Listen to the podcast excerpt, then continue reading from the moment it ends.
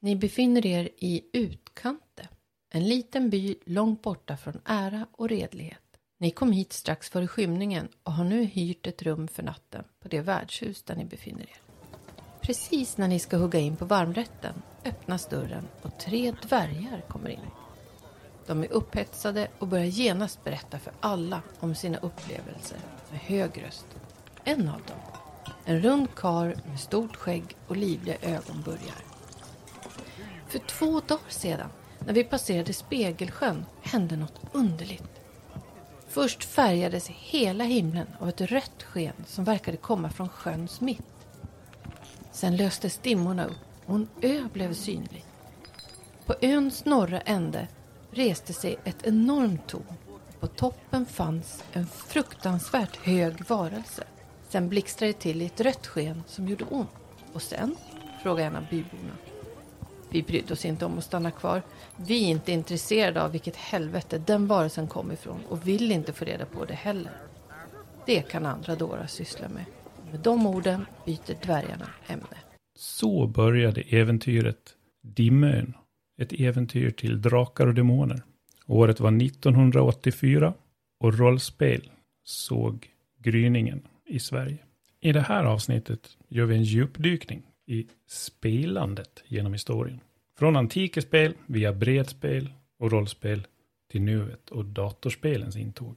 Kanske även en möjlig revival av att fysiskt träffas och spela igen. Vi pratar om minnen från att växa upp i rollspelens guldålder på 80-talet och hur hela spelkulturen plötsligt sen bara dog ut. Som avslutning kommer vi ge några av våra egna personliga favoriter inom kategorin spel. Det är ett avsnitt som kanske skiljer sig lite från de övriga. Ett specialavsnitt med fokus på spel.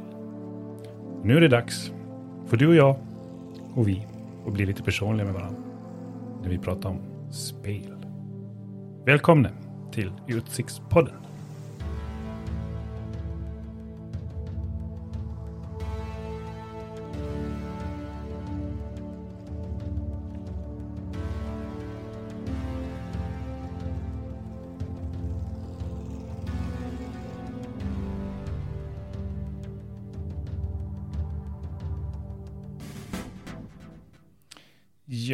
Alltså det tåres ju lite i ögonen när man tänker på Dimön och Drakar och Demoner.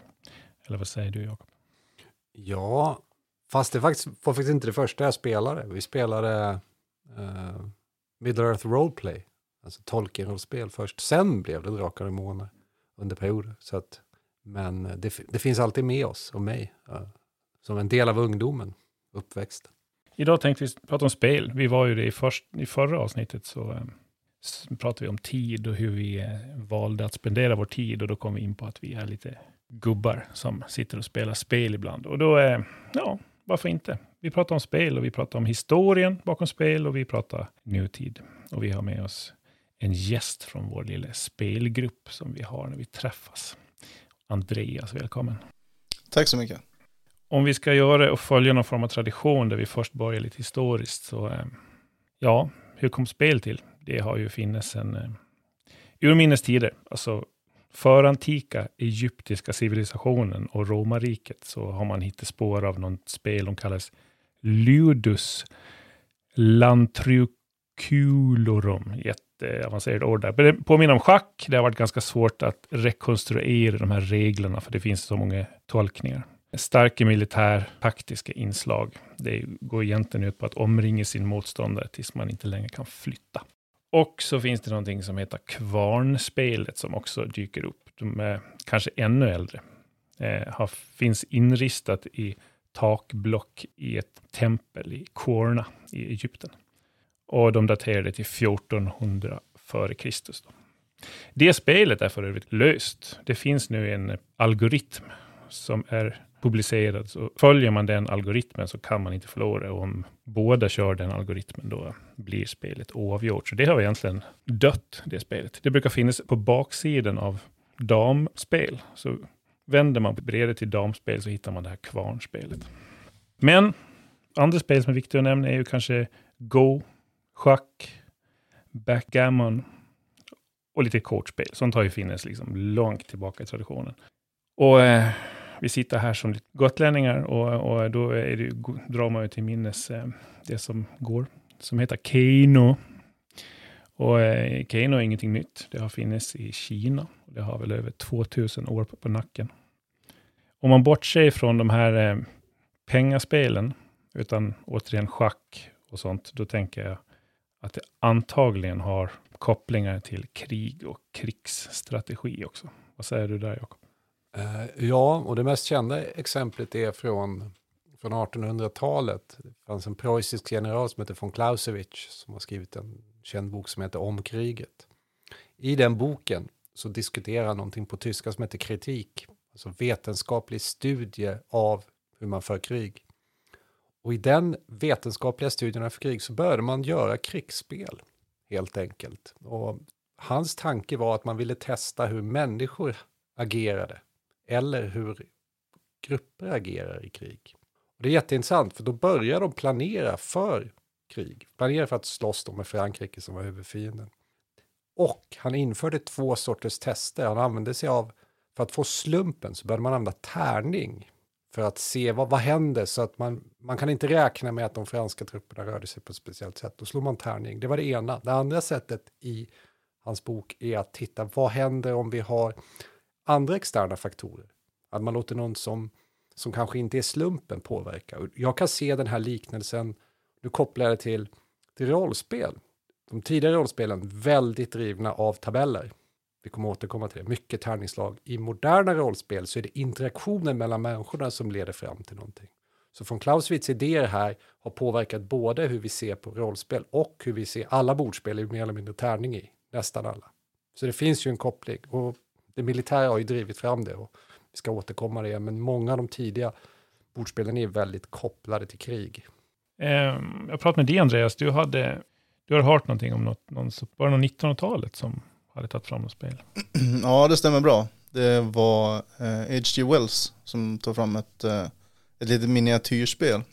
H.G. Wells är alltså? H.G. Eh, Wells är författaren till eh, Resan till jordens mittpunkt och han skrev, skrev mycket science fiction redan på slutet av 1800-talet och början på 1900-talet. Världarnas krig. Så då, han gjorde ett litet spel som jag inte kommer ihåg just nu vad det hette. Eh, det var någon sån här Mini Warriors eller Mini Fighters, något sånt hette det, 1913. Sen vet jag inte hur mycket det gick till produktion, men det, han gjorde det spelet i alla fall och det, det ska finnas att få tag i, det finns på museum. 1930 utvecklades Monopol, eh, vilket då anses som det en av de först moderna spelen som också är ganska tärnings, väldigt mycket tärningsbaserat.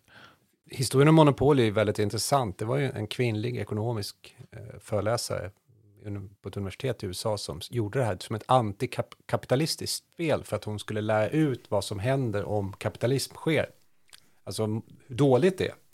Det gick ju inte så bra. Nej, och det som händer sen är, jag, jag kommer inte ihåg om det är Hasbro, jag kommer inte riktigt ihåg, ett av de här företagen mer eller mindre stjäl hennes idé och så gör de det till monopol till sitt eget. Eller Parker är det, Parker eller någonting, vi får återkomma. Men det intressanta är att det dröjde väldigt lång tid innan hon fick någon form av pengar för de rättigheterna. Så det gjordes som ett utbildningsspel och det har blivit det, kanske det vanligaste spelet som spelas om man, när man växer upp.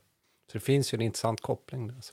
För det är ju så om man tänker efter monopol. Det finns en vinnare, alla andra är bankrutter. Och det, ja, ska man se någon snittbild på världsekonomin idag så har vi en väldigt liten del som är jätterika och resten är ju inte så rika. Spännande. Um, ja, vad, har, vad står det med? Vad jag skrivit 1957 kom succéspelet Risk. Det, kom en, det är nog en av de här tidigaste minnen jag har av bredspel. Det är nog eh, hemma hos dig, Jakob. Vi var, vi var nog kanske 12-13 år någonstans och du hade risk, kommer jag ihåg. Ja, vi hade det. Och när man, nu i efterhand, vi tyckte det var kul, men alltså när, jag inser det var ju inte så kul. Det var ju inte så speciellt slumpartat, men det har ju blivit väldigt populärt, så idag skulle jag aldrig spela det där. Men, men då var det väl, det fanns ju inte så mycket. Men det jag håller, det, det var så här, risk, Stratego var ju ett spel, eh, Napoleonkrigen. Eh, och andra spel var ju så här, finans, monopol, bondespelet. Så det var inte så komplicerade, det var inte komplicerat. Alla kunde spela, vilket var väl det som behövdes då. Fanns det inte Visby-spelet också? Jag har något svagt minne att jag känner, men jag har aldrig spelat det. Men ja, men det, jag ja. tror det finns, jag har Västerås-spelet. Så jag tror ja, det, det, det, det finns någon, någon sån här spelpatriotisk utvecklare i varje, varje by. Ja, så landar vi då in i 80-90-talet här. Om vi bollar oss fortfarande på bredspel så, för innan, då kan, man, då kan man nästan säga att då fanns det konfliktspel. Och just på 80 och 90-talet så kom en ny sorts, en helt ny spelstil som de kallar tyska spelstilen, eller Eurogames som det kallas. Vilket, vilket är lite annorlunda, för det är man sitter och spelar för sig själv. Och alla har ett litet spel för sig själv och så finns det ganska få interaktioner. Eh, exempel på Eurogames är Settlers och Catan, Carcassonne, Ticket to Ride. Jag kan tillägga någonting om, om konfliktspelen som fanns på 80-talet. De var ju den ledande. Jag var iväg på sådana här konvent, Gothcon till exempel i Göteborg. Det var rollspel och konfliktspel. Konfliktspelen var historiska, mycket, mycket, mycket kopplat till andra världskriget. Alltså, väldigt mycket krig och väldigt betydligt komplicerade spel, vilket gjorde att det blev ju en liten grupp som lärde sig de här komplicerade spelen. Men som du nämner, när Eurogamesen dyker upp först i Tyskland, det dröjde innan de dök upp i, i, i Sverige och andra delar, så bjöd man ju in mycket mer människor till det, för de är inte svåra att spela. Utan de kräver ju bara, det, som du säger, det, det är mer, man sitter själv. Och man behöver inte hamna i Alltså, det ska vi, lyssnarna ska veta att brädspel leder till konflikter. Jag har en, en yngre bror, han och jag har bråkat så många gånger när vi har spelat brädspel om saker. Eh, små grejer som har eskalerat och det, det vet alla som spelar spel. Att, men Eurogamen leder inte till det. Nej, Eurogame gör inte det. finns ju en, en, en nytt spel som heter Terraforming Mars. En svenska utvecklare tror jag, som, och det har vunnit mycket priser och så. Det, det är nästan extremt Eurogames, för det, det, är verkligen, man sitter och ploppar med sina ploppar och man, man drar något kort och man lägger ut något kort. Det spelar egentligen ingen roll vad motståndaren lägger ut för kort, för det, jag ploppar med mina ploppar. Ibland så kan man titta upp på varandra och så, vad kul att du är här. Och så fortsätter man att ploppa med sina ploppar. Och någonstans så spelar man ändå samma spel, men det, det är ju verkligen inte konflikt. Faktiskt från Hallstahammar. Utvecklaren? Mm. Jaha, där säger man. Nej, men jag kan hålla med, det är jätteintressant det där att det, det, går till ett slags spel där man egentligen inte behöver vara i samma rum.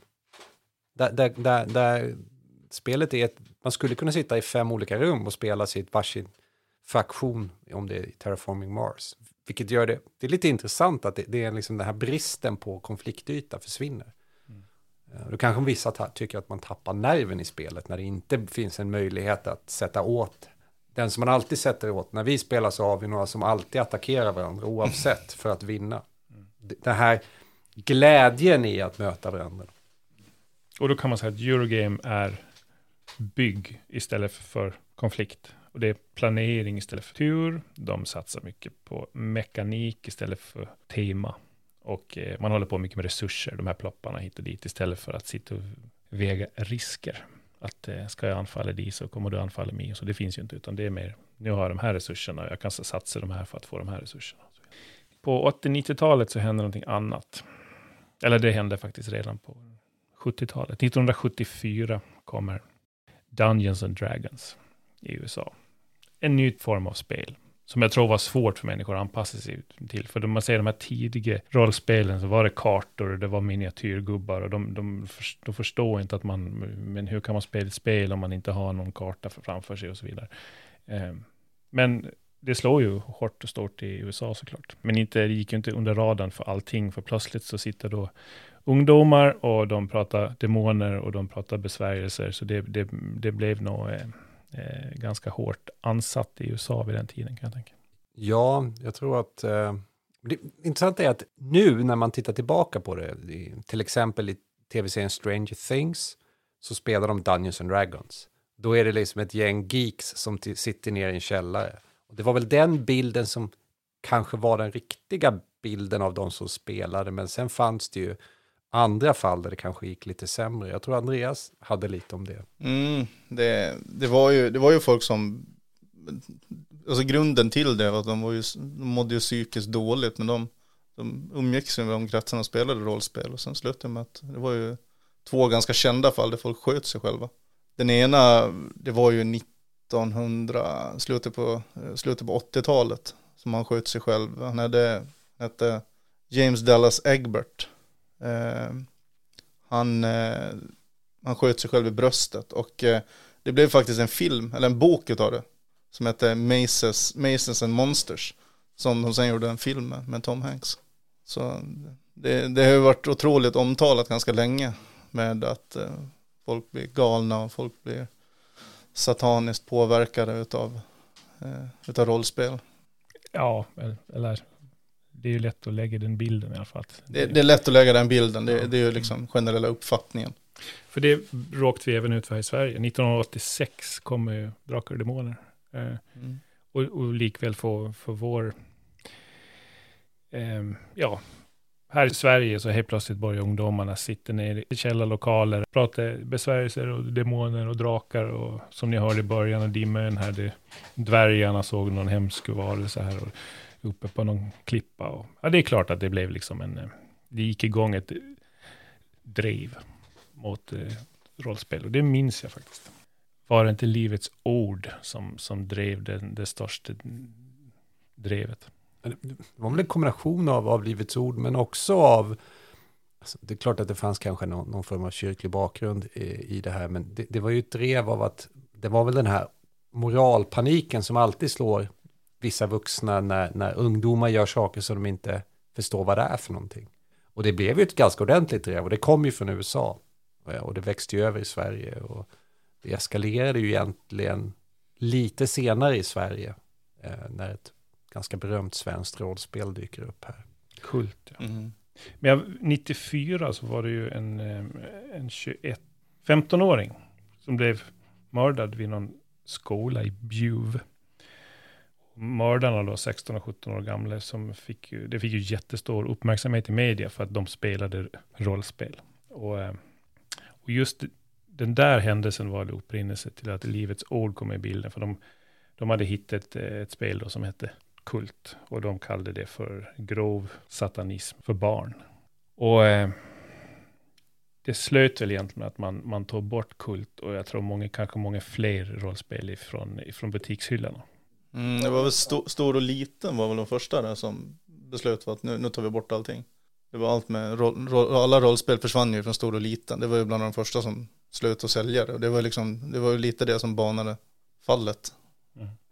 Som vi kom in på tänk nu att, att eh, istället för att vi sitter här och håller på med spel, tänk om vi nu hade varit livets år. Jag ska berätta en liten rolig, en annan infallsvinkel på det här. För på något sätt så kan man väl ge dem lite förståelse för det här. Tänk nu att du innan har eh, varit otroligt arg på de här drakar och demoner, de här dvärgarna som har sett den här varelsen som brinner. Och det är det som barnen nu sitter och tittar på istället för att titta på Jesus eller vara med i kyrkan och så vidare. Och det här rollspelet tar över ungdomar. Tänk då att då lanserades Kult. Det året är 1991. Och vi slår upp sidan 3 i regelboken på Kult. Och där står det så här. Döda kroppar låg över hela rummet. Bleka och förvridna kroppar med cirkelrunda sår på halsen. Den skarpa ammoniakstanken hängde tung i luften. Vi gick långsamt genom det dunkla rummet. Stanken blev fränare. En bekant gestalt klev fram. Oberan! flämtade Natasha och tog ett steg bakåt. Men det var för sent. Den blonda jätten sträckte ut en arm, grep hennes hår och drog henne till sig. Han öppnade munnen som för att ropa något, men istället växte något fram ur hans svalg. Ett smalt rör. Ett halvt genomskinligt sugorgan som sträckte sig ut genom borrade Natashas hals. Hon ryckte till och tycktes bli förlamad. Röret bågnade när det fylldes av hennes blod. Obrans ögonvitor färgades röda och hans bleka ansikte fick färg när han tömde henne på liv. Mitt huvud tömdes på tankar. Jag glömde de andra, kände hur benen började springa. Såg korridoren närma sig, rusade ner för trappan. Höjde instinktivt armarna för ansiktet när jag störtade genom glasdörren ut på gatan, fortsatte ut mot boulevarden. Jag var halvvägs till operan när paniken mildrades så att jag kunde stanna upp. Skräcken bultade fortfarande i bröstet. Tabletter, sprit, vad som helst skulle kunna lindra paniken. De andra fick klara sig bäst de kunde. Jag vacklade bort mot en nattöppen bar. Ja, ni förstår ju själva. Om man nu man kan tänka själv, sen, bara sen jag blev förälder, om jag, har, om jag hade haft en 12-åring som satt och, och eh, var på jakt efter sprit och tabletter för att dämpa paniken. Man, ja, man, jag får väl ge dem lite cred ändå. Kult var en, en, i en liga för sig själv. Men, men samtidigt, jag tycker så här, visst, det, det, det är ju väldigt detaljerade beskrivningar. Men det är ju ingen nyhet. Läs Mary Shelleys Frankenstein, läs Dracula. Det, det, är bara att det, det kände, för mig var kult att det var den sista så här moralpaniksucken från 80-talet. Det hade ju varit videovåld och alla de här. Eh, det var väl ett sätt, det gick att kontrollera, för nästa steg är ju när, när spelen flyttar till dat datorerna så blir det ju svårare. Men, men ja, idag skulle vi, det där är ju en tv-serie idag. Kult kom ut i nyproduktion 2018. Det, det kom inte ens en notis om det. Så det, det är också intressant att tänka på. Har, världen har hårdnat lite kanske. Nu, nu reagerar vi inte på det på, på samma sätt. Det andra ska vi tillägga att det, jag vet nästan ingen som kunde förvalta förutsättningarna för vad Kult erbjöd inom skräckgenren. Alltså det fanns ju många andra skräckspel. Det är Call of Cthulhu, Chill, Chock. Eh, men Kult hade lite, det var lite extra mörkt och extra blodigt kanske, men jag vet ingen som kunde förvalta och skapa den skräckstämningen som man sen kunde läsa om i böckerna. För det, det, ni vet ju själva hur det blir när man spelar skräck. Till slut blir det, ni ser ett monster.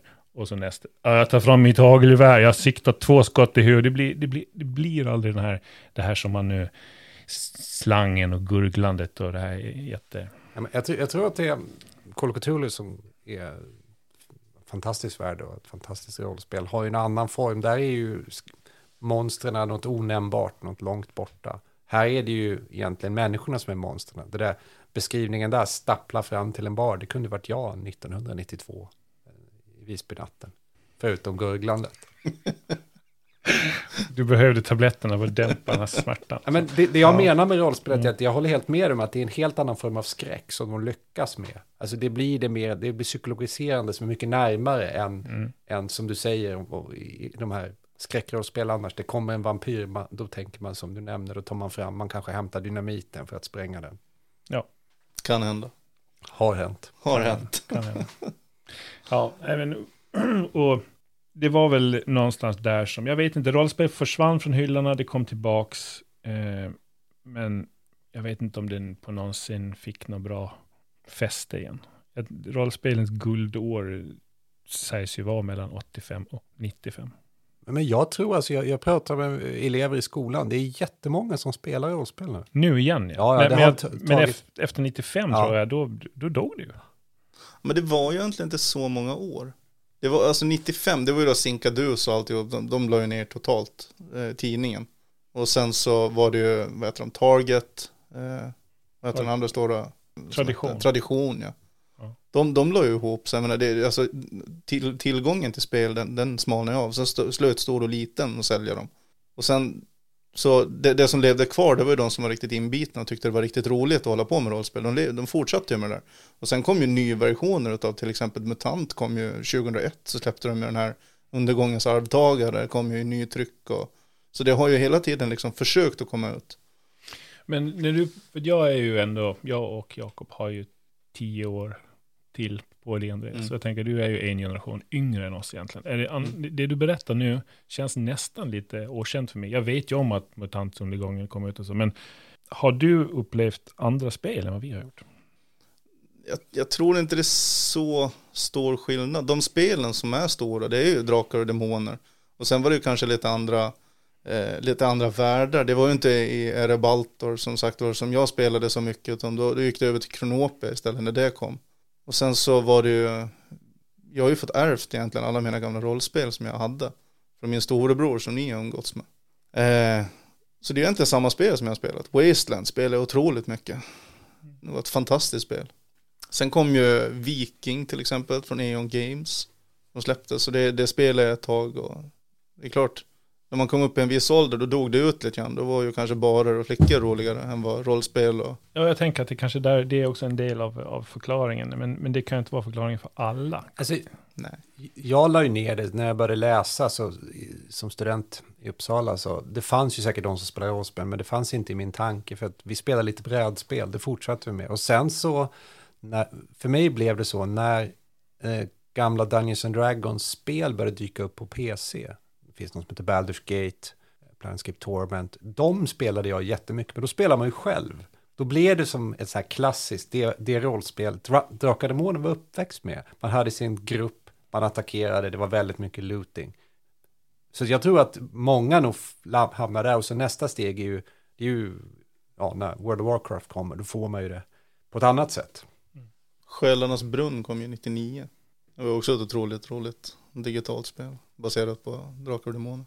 Myterna då? Myterna om rollspel, jag vet att vi pratar om det. Eh, det är inte så mycket myter om bredspel, men just när man säger att man håller på med rollspel, då, eh, då tänker sig människor att jag går utklädd, att jag håller på med live, eller att jag håller på med någon form av dominanslekar hemma, eller att jag går klädd i gummi. Eh, och det, det, här har man ju, helt så fort man möter någon som inte är insatt i rollspel, om man säger att jag håller på med rollspel, då, då får man en lite sned blick. Kan vi inte bara 80-talet tycker jag så här, då var det så här, det var ju lite nördigt att spela rollspel.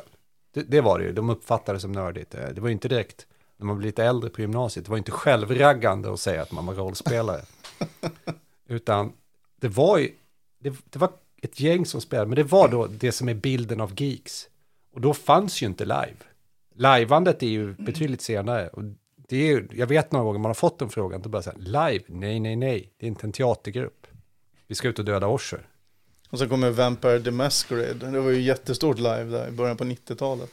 Men det, det, har ju varit en sån liten utanförsgrupp, de som har spelat rollspel. Liksom. Ja, man har varit med i den. Jag, jag satt faktiskt och tänkte tillbaka på en, eh, ett minne jag hade när jag spelade rollspel. Och jag minns sommaren 1986. Jag följde med en eh, kompis som heter Filip ut på hans sommarställe.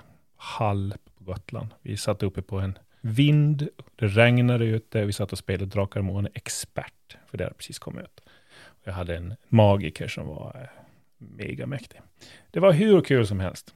Och sen på kvällen så cyklade vi bort till någon, någon han kände som bodde där. Hon, hon hette Lotta, hon var två år äldre än oss. Och vi satt och såg på någon video med henne och det slöt med att jag, jag kysste henne. Och det var första gången jag kysste en tjej sådär, som jag blev ju kär som en klockakatt på en kvart.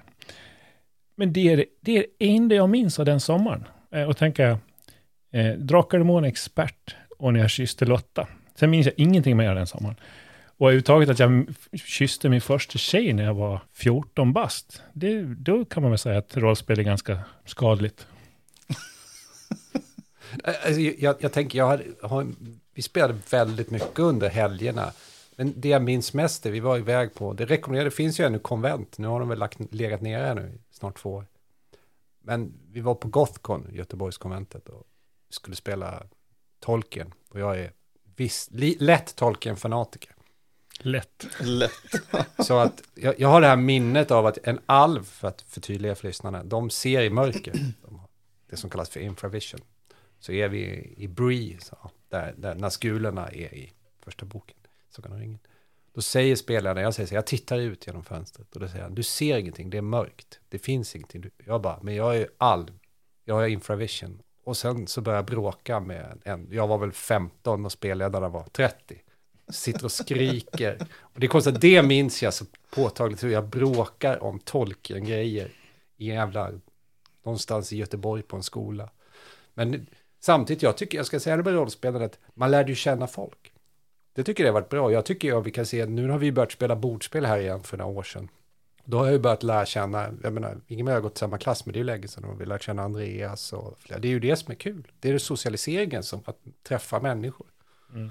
Och anledningen att vi började spela bredspel, för det var egentligen det vi, rollspel har inte blivit jättemycket av, vi har försökt och så, men man började med bredspel, för jag personligen var, jag var eh, tveksam om jag hade fantasin som krävdes så här länge efter. Alltså sätta sig ner och bara, ja nu är, är du en dvärg och du har en stor bredhandsyxa. Och det, jag, är liksom, jag är snart 50, jag vet inte om jag kan, kan riktigt. Men vi började lite lätt med lite bredspel och nu har vi faktiskt provat på lite rollspel igen. Ja, det är jättekul. Jag, ty jag tycker det är så fantastiskt roligt med, med rollspel. Just att man kan, som du säger, man träffs. Vi gick ju ifrån det där liksom att sitta och spela digitalt och sen kunna träffas och socialisera och de, eh, de skratten och de minnena, det, det, det, det är ju de man vill åt. Det är ja. ju så otroligt roligt man har haft det vissa stunder. Ja, jag måste säga det att, menar, under lång tid, man, man, man, alla vi, vi jobbar och alla de här sakerna som, som händer, men det här att träffa andra och bara skratta och ha kul utan liksom egentligen några baktankar, utan det är bara roligt. Det är ju det som gör att vi har vi sågs ju, jag menar, två gånger i veckan under lång, lång tid. Det är väl dags att snart ta upp det igen. Så. Ja, och sen kom covid och så har vi inte kunnat träffas. Och det har varit det, det största nackdelen för min del med covid, hela grejen. För det, jag har, har inte jätterikt socialt liv i, i övrigt, i och med att jag bor i en stad jag inte är uppvuxen i. Men ja, de här kvällarna vi har haft när vi har träffats och spelat spel, det är nästan som att, vad ska jag säga, killar behöver en anledning för att träffas. Och vi har den anledningen. Och det är hur kul som helst. Men du nämnde någonting om att man har suttit digitalt och tänkte jag, för att ett tag kändes det som att nu kom datorspel och eh, sopa mattan med bredspel och allt vad det nu heter, och rollspel. WoW kom. Fast nu är jag inte säker ändå på att dataspel kommer att ta bort allting. Jag tror mer på en revival faktiskt. Absolut. Tror du också det? Ja, absolut. Det, det är just det, jag, jag, tror den generationen som spelade mycket rollspel. Vi har ju växt upp nu, vi börjar få barn, eller de har fått barn, många av dem. Och, så, och deras barn blir liksom uppväxta med de minnena som, som vi har. Jag sitter och spelar med mina barn hemma, vi sitter och spelar rollspel som heter, ett rollspel som heter Äventyr. Och vi har spelat lite Drakar och Demoner. Eh, och det tror jag att det, det kommer tillbaka, det kommer gå i vågor. Så jag tror det kommer komma tillbaka mer och mer. Det finns ju massvis med YouTube-kanaler som bara sitter och streamar rollspel. Är det kul att kolla på? Det, om, vi ska, om vi ska sätta upp en kamera här nu och ha de här mickarna kvar och så lägger vi fram ett spel på bredden. Skulle, skulle verkligen folk vilja titta på det? Det skulle bli så censurerat. Äh, om jag ska vara ärlig, jag, jag tror faktiskt att, att, att om man gör det och, det, och vi spelar på det sättet vi gör, och bordspel så tror jag att folk skulle titta på det. Det finns ju i, i USA, det finns ju ganska många kända sådana här. Det finns ju en... Geeken Sandra. Ja, men då, då, kanske vi måste sitta och prata engelska. Ja, fast man kan ju börja med svenska. Men jag, jag tänker, man kan ju tänka, vilka är rollspelare? Det finns ju några så här jättestjärnor i Hollywood. En som jag inte minns namnet på, en som heter Tom Morello som är gitarrist i Rage Against the Machine. De är ju ett gäng som bor i Kalifornien. Som spelar, de är Dungeons and Dragons. De, de har ju såklart mycket pengar. Jag har ju sett bilder från när de spelar. Det är ju liksom del av Hollywood-eliten sitter och spelar rollspel. För alla gjorde det på 80-talet. Det är ju det, de, ja förlåt. Ja, det, jag tänker också på det ni nämnde. Eh, ni spelar med barnen. Det innebär ju också att då tar man ju upp det igen. Man, då kan man ju själv börja spela bordspel. Ni kanske spelar familjespel, men då finns det ju en koppling till att ja, men då ska jag, om jag kan spela med mina barn så kan jag ju spela med de jag känner också. Jag tror att det är, det är ju liksom såklart cyklerna kommer här. Ja, absolut.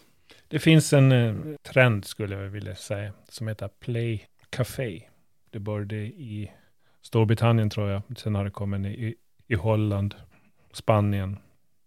Eh, det är som ett café, bokhyllor, väggarna.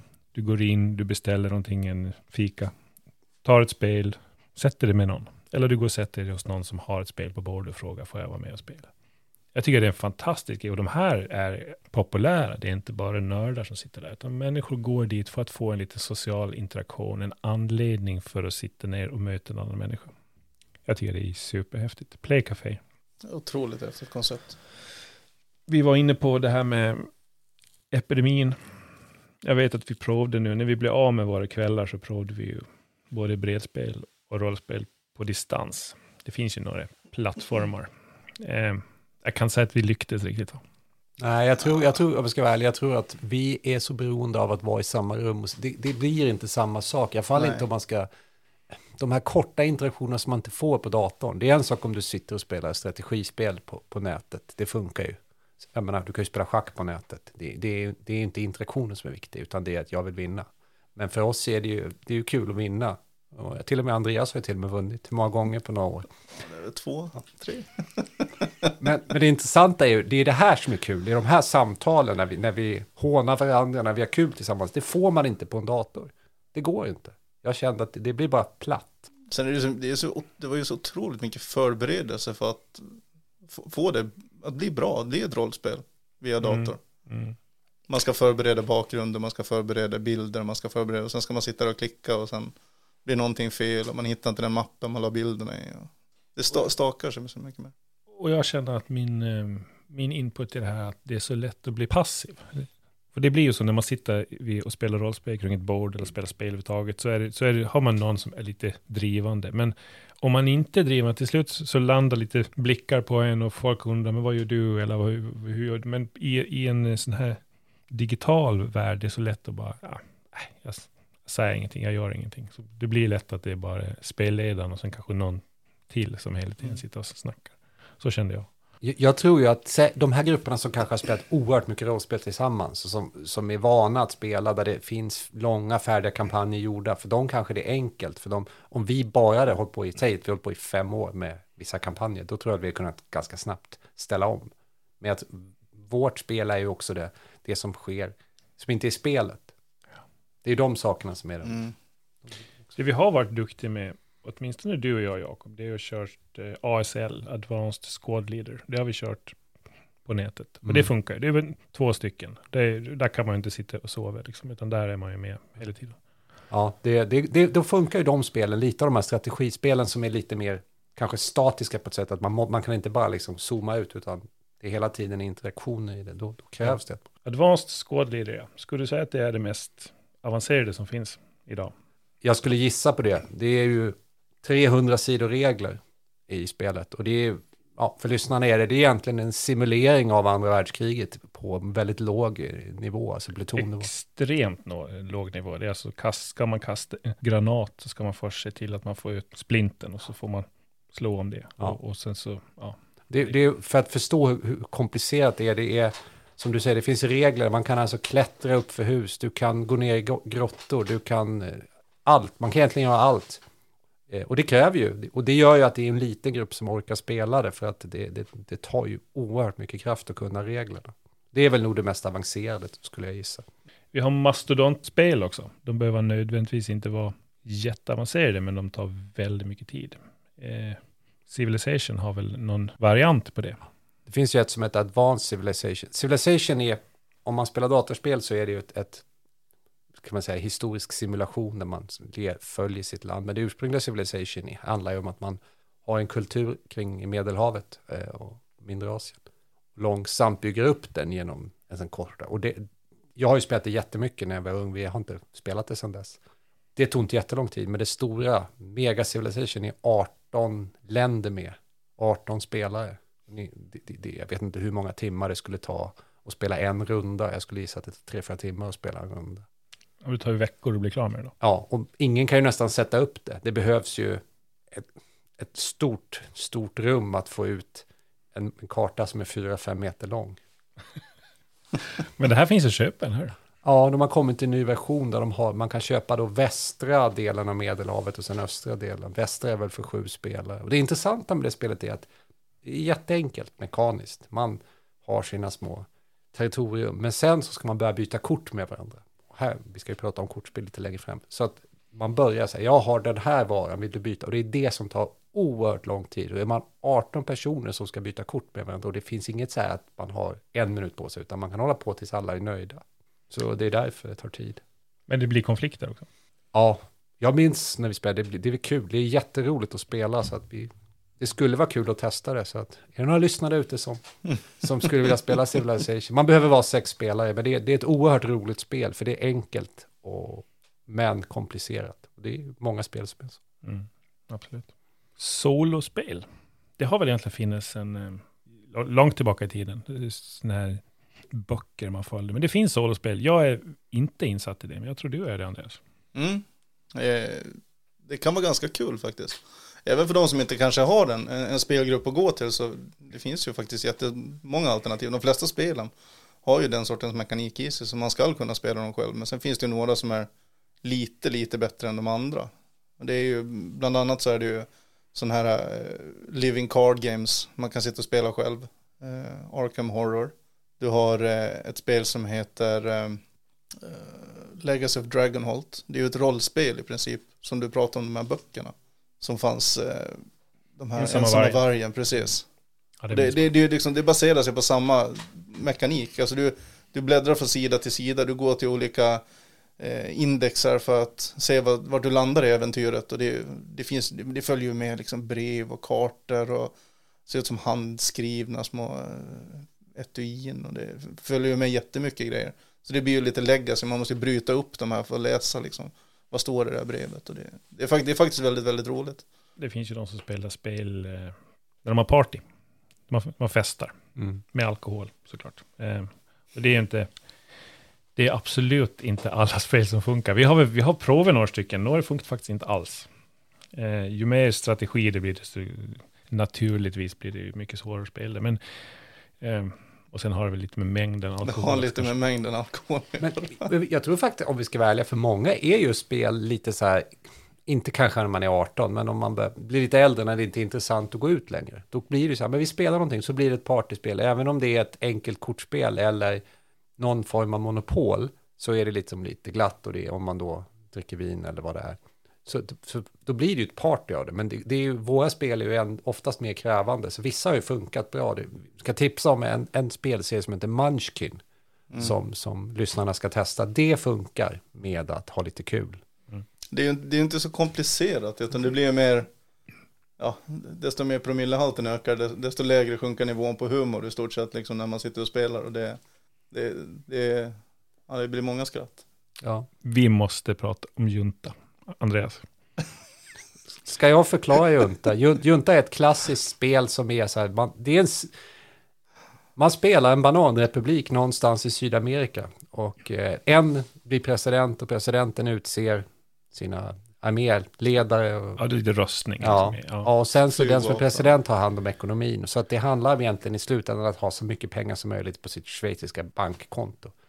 Ja. Och vi, hade, vi har ju spelat Junta några gånger och det har varit roligt. Och det är kul, det är Ja. party. Det, är, det är liksom, det är mycket röj i det här spelet. Och man, man blir man sur på någon, då drar man iväg lite missiler. Så, så, så är det. Och sen så eh, tar man eh, presidentposten helt enkelt. Det går ju ut på att göra kupp helt enkelt Ja, det, man ska göra en kupp. Ja, man, ja, precis. Man går ihop med några kompisar. Det är liksom, det är lite Robinson nästan. Man, man paktar och man är i- otroligt kul. Men det, och det funkar också med alkohol i rimliga mängder, mängder. Nu säger jag på det igen, Andreas.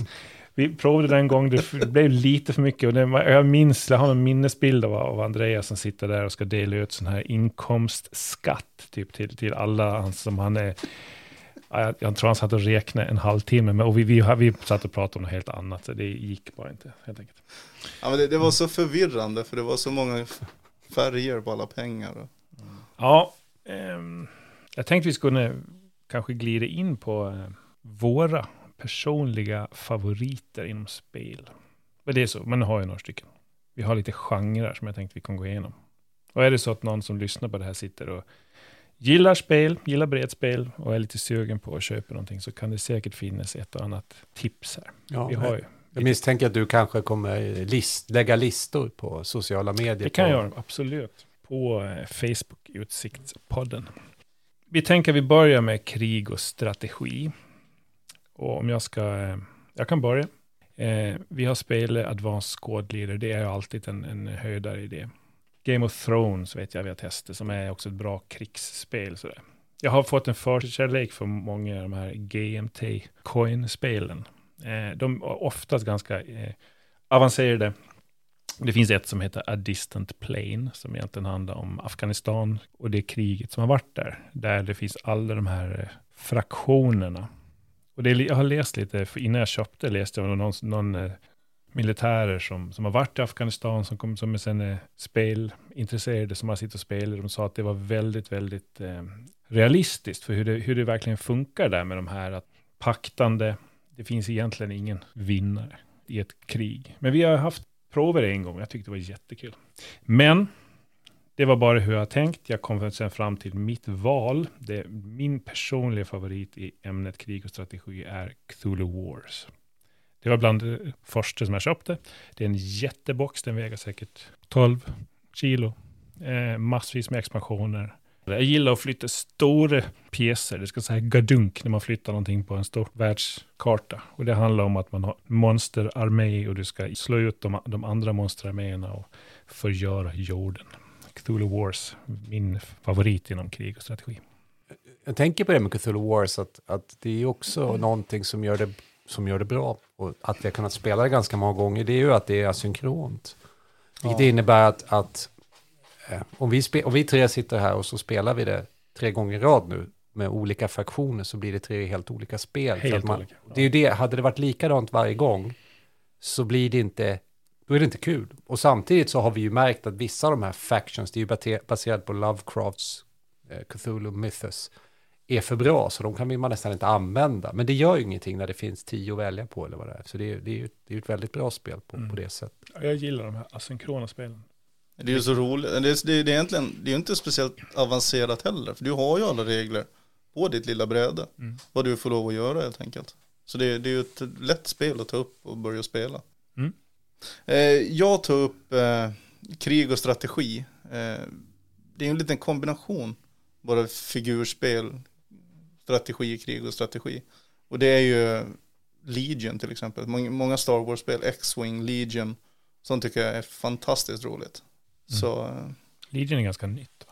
Legion, är relativt nytt, det är två år, två, tre år gammalt tror jag. Nu har det ju kommit lite expansioner till det också. Då köper man sina små figurer och sen vill man så kan man måla dem. Jag byggde ju ett stort bräde gjorde jag med rätt mått. Så jag gjorde en egen eh, liten miniatyr av eh, eh, vad är det, Tatooine som jag gjorde. Som jag byggde. Och sen, så jag spelade det själv egentligen väldigt mycket för att lära mig reglerna. Och sen så bjöd jag ut Jakob och Johan, vi var ute hos mig och så spelade ni. Ja, just det. och det kommer jag ihåg. Det var, jag har inte spelat så mycket sådana figurspel innan. Jag har spelat Armada också och misslyckats totalt minns jag. Eh, Men, men, men det, det är roligt. För, för mig var, bild för mig innan det var ju, för mig var figurspel, det var också, vi pratar tidigt 90-tal och sent 80-tal, då var man på konventen och då var det ju de här 35-åringarna som hade målat sina stridsvagnar eller vikingaspel och så hade de ställt upp dem på jättelika brädor, brädor och sen så flyttade de. Det var så här, de, man kände att det här kommer man inte klara att spela. Jag tänker Warhammer, när kom det? Som figurspel? Det var tidigt. Ja. Jag, jag hade en slutet, version slutet på av, 80-talet, början på 90-talet. jag hade i alla fall Mm. Warhammers rollspel hemma någon gång, men aldrig. Jag vet ju att tidningen eh, White Dwarf, en engelsk eh, tidning, jag vet inte om den finns kvar, som, som från början var en rollspelsrelaterad tidning. Under 90-talet där så började den ändras mot, Mm. mot att bara vara egentligen Warhammers. Eh, det. Ja, det kommer jag ihåg. ja. Den blev jättetråkig. Men för de som gillar Warhammer Ja. såklart är den bra. Ja, Jakob. Jag tror att jag kan, jag kan faktiskt se många av mina favoritspel här. Om ni hade frågat mig på, under lång tid så hade jag sagt spelet Diplomacy som jag faktiskt ser här. är Ett av Ingemars ganska många spel. Eh, han har lika mycket spel som jag har spritflaskor skulle jag kunna säga. Eh, och Diplomacy är ett spel som, som är, det har anor, det är inga tärningar. Man spelar ett antal olika länder innan första världskriget så gäller det att manövrera sig till att vinna genom att ta så många territorium. Det är ett spel som handlar om att man, sam, man spelar och så säger man nu har vi fem minuters samtal och så ska man pakta och stötta varandra. Oerhört roligt, jag har spelat det oerhört mycket och jag har bråkat oerhört mycket med min bror om det där under de där spelsessionerna. Jätteroligt, men idag skulle jag nog säga att vara en squad som, jag spelade squad som ursprungsspel jättelite på 80-talet, men jag har blivit helt högt på det sättet att spela, att det finns så mycket att lära sig och jag är jätteintresserad av historia och krig, så det har också hjälpt till. Sen ser jag ett annat favoritspel som heter Twilight Imperium här, som är ett strategispel i, i rymden, som är också, det är komplicerat, men det är också olika fraktioner, det blir asynkront. Jag gillar de spelen, jag gillar väl också de här som tar, kan ta lång tid, och man tvingas att tänka i flera steg. Eh, Ingemar nämnde ju coinspelen som handlar om Vietnam eller om eh, Afghanistan, det finns flera sådana av dem. Och det, det, jag går igång, men jag kan också spela Cthulhu War som är jätteroligt och det vet man, det är, kl- det är klart på en timme. Men de andra spelen, det kan ju ta åtta timmar, tio timmar. Så det, det är sådana spel gillar jag. Nästa kategori, Eurogaming. Där, ja, jag tog Terraforming Mars. Jag har ju den både som ett skräckexempel, för att det är verkligen, det är nästan lite solospel och så vinkar man till varandra. Men det är, för det är ett bra spel. Temat är fantastiskt, för att det är varenda kort du drar och läser på som handlar om eh, plankton, odlingar och så vidare. Allting är riktig teknik. Man skulle kunna göra Mars beboeligt om man, om man fick till det här. Det, det finns någonting, det är ett grund i det här spelet som jag tycker är ändå värt att nämna. Det är ett vackert spel. De har lyckats. Men mitt val inom Eurogaming blir Brass. Brass utspelar sig alltså i, vad är det, 1800-tal eh, England. Man ska brygga öl och man ska bygga järnvägar och man sitter med fabrikskort och, eh, och försöker bli en industrimagnat. Men jag, jag, jag gillar temat på det, jag gillar tempot. Och det finns eh, lite sådana konfliktgrejer. Jag kan ta fabriker från någon, stänga av någon genom att bygga en järnväg och så, vidare. Så det, men eh, mm, det är nog min Eurogaming-favorit. Brass, snyggt spel, mycket snyggt. Det, jag har ju inte spelat så mycket Eurogaming egentligen. Det, det har inte riktigt fallit mig i smaken. Men det, det, som, det som jag verkligen uppskattade och tycker det var jätteroligt att spela, det var ju faktiskt eh, Skyte. Det tyckte jag var ett fruktansvärt roligt spel. Det, det är ju liksom, du, du bygger dina arméer och det utspelar sig i en sån dystopisk framtid det här. Eh, eller en, det är väl egentligen en alternativ framtid. Ja, alternativ. Ja, det Jag har skulle säga Skype är en, en otroligt bra mix mellan Eurogaming och konflikt. konfliktspel, för det är ju Ja. verkligen mycket konflikt också. Ja, det är det ju absolut. Mm. Jag, jag tycker den är, det, det är nog därför jag kanske fallit mig i smaken så pass mycket. Jag har ju testat Catan, jag har testat Terraforming Mars, eh, Carcassonne och sådär, men det, det, det, är för, det, blir, det blir ett solospel i samma rum med andra personer. Det, man, man får inte den interaktionen som man vill ha. Så, men Sky tycker jag att det, det, det är en så pass harmoni mellan konflikt och, och Eurogaming. Det gillar jag. Ja, i mitt fall så är det också Skyte. För jag, jag håller med Andreas. Jag, jag, Brass tyckte jag om. Jag tycker det, det är ett bra koncept. För det är inte bara att, som du säger, att man, man sitter för sig själv. Utan man kan, man kan interagera med någon annans. Vet nu vad de har för byggnader och järnvägar. Men Skyte ger ju både, man kan vara spela defensivt och egentligen bara bygga upp sig. Eller så kan man utifrån vad man har så kan man spela. Då blir det mer mot PVP. Vilket jag gillar, att det finns möjligheter. Och för att tillägga, man kan vinna på så många olika sätt. Mm. Det, gör, det är det som gör det häftigt. Att det, i, I vissa spel är det så här, och du är först över mållinjen, då vinner du. Men här kan man ju faktiskt se ut som en förlorare under lång tid. Man, man tittar, man, men det där går inte så bra. Man, man tänker inte att någon spelar, det, det, de, det där kommer inte vinna. Så börjar man räkna poäng. Den personen vann. Så att det, det, det är jättekul. Ja, det är Det är alltid, alltid någon som sitter i hörnet och är jätte, jättetyst. Då börjar man helt plötsligt observera, bara, vilken jättearmé de börjar bygga upp där. Någonting är på gång. Familjespel, nästa rubrik. Då har det varit, eh, då tänker jag på det jag spelar med mina barn och så. Vi spelar Bears Babies med det här Not Safe for Work add-on. Så det finns inte bara en unicorn, det finns penicorn och så vidare. De barnen tycker det är jätteroligt. Love Letter, ett spel där man, eh, det- finns en jättelång historia om spelet tror jag. Det, det är ett eh, gammalt spel som har funnits länge, men där man då ska vinna prinsessans gunst. Med, eh, genom att vara smart och spela sina kort. Det är ett enkelt spel, alla kan förstå det, det är jättekul och man, man kan spela om och om igen, köra det 7, 8, 9 gånger på raken. Sånt gillar jag. Jag köpte ett spel en gång som heter Jamaica. För det var någon review jag läste att det ska vara så eh, vackert. Och det är det faktiskt. Det är en skattkista som man öppnar och så lägger man ut det så är det en piratplan, en piratö och så är alla piratfartyg och så åker man runt och så ska man få eh, samla proviant och guld och skatter och så är det först som har åkt runt den här ön då, som, som vinner. Men det är, det är ganska mycket PVP i det. Man kan, man kan köra på varandra och man kan ta varandras proviant och man kan råna varandra. Och, eh, barnen tycker det här är jättekul. Det är ett vackert spel, tema, snyggt. Mitt val slutligen blir ett väldigt enkelt spel som heter Sequence. Det är som ett brede som är fullt med pokerkort och så har man markörer och så spelar man ut och så ska man få fem i rad. Det låter eh, alldeles simpelt egentligen, men det är så kul. Och det är liksom, när barnen har lagt sig så är det så är det, det som ibland tar fram eh, jag och frun och så sitter vi och kör några gånger. Så Sequence, absolut, jättekul spel. Ja, mina familjespel då som jag, jag, spe, jag spelar ju faktiskt väl, väldigt mycket spel med, med familjen.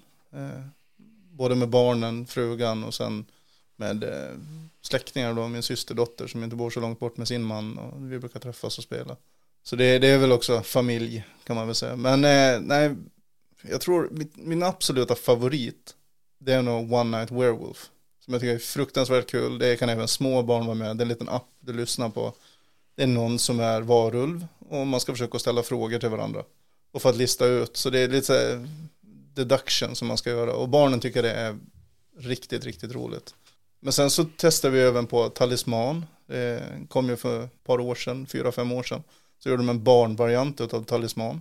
Eh, också ett otroligt roligt spel och det, då är det med lite historia och lite så man får, man får läsa för dem.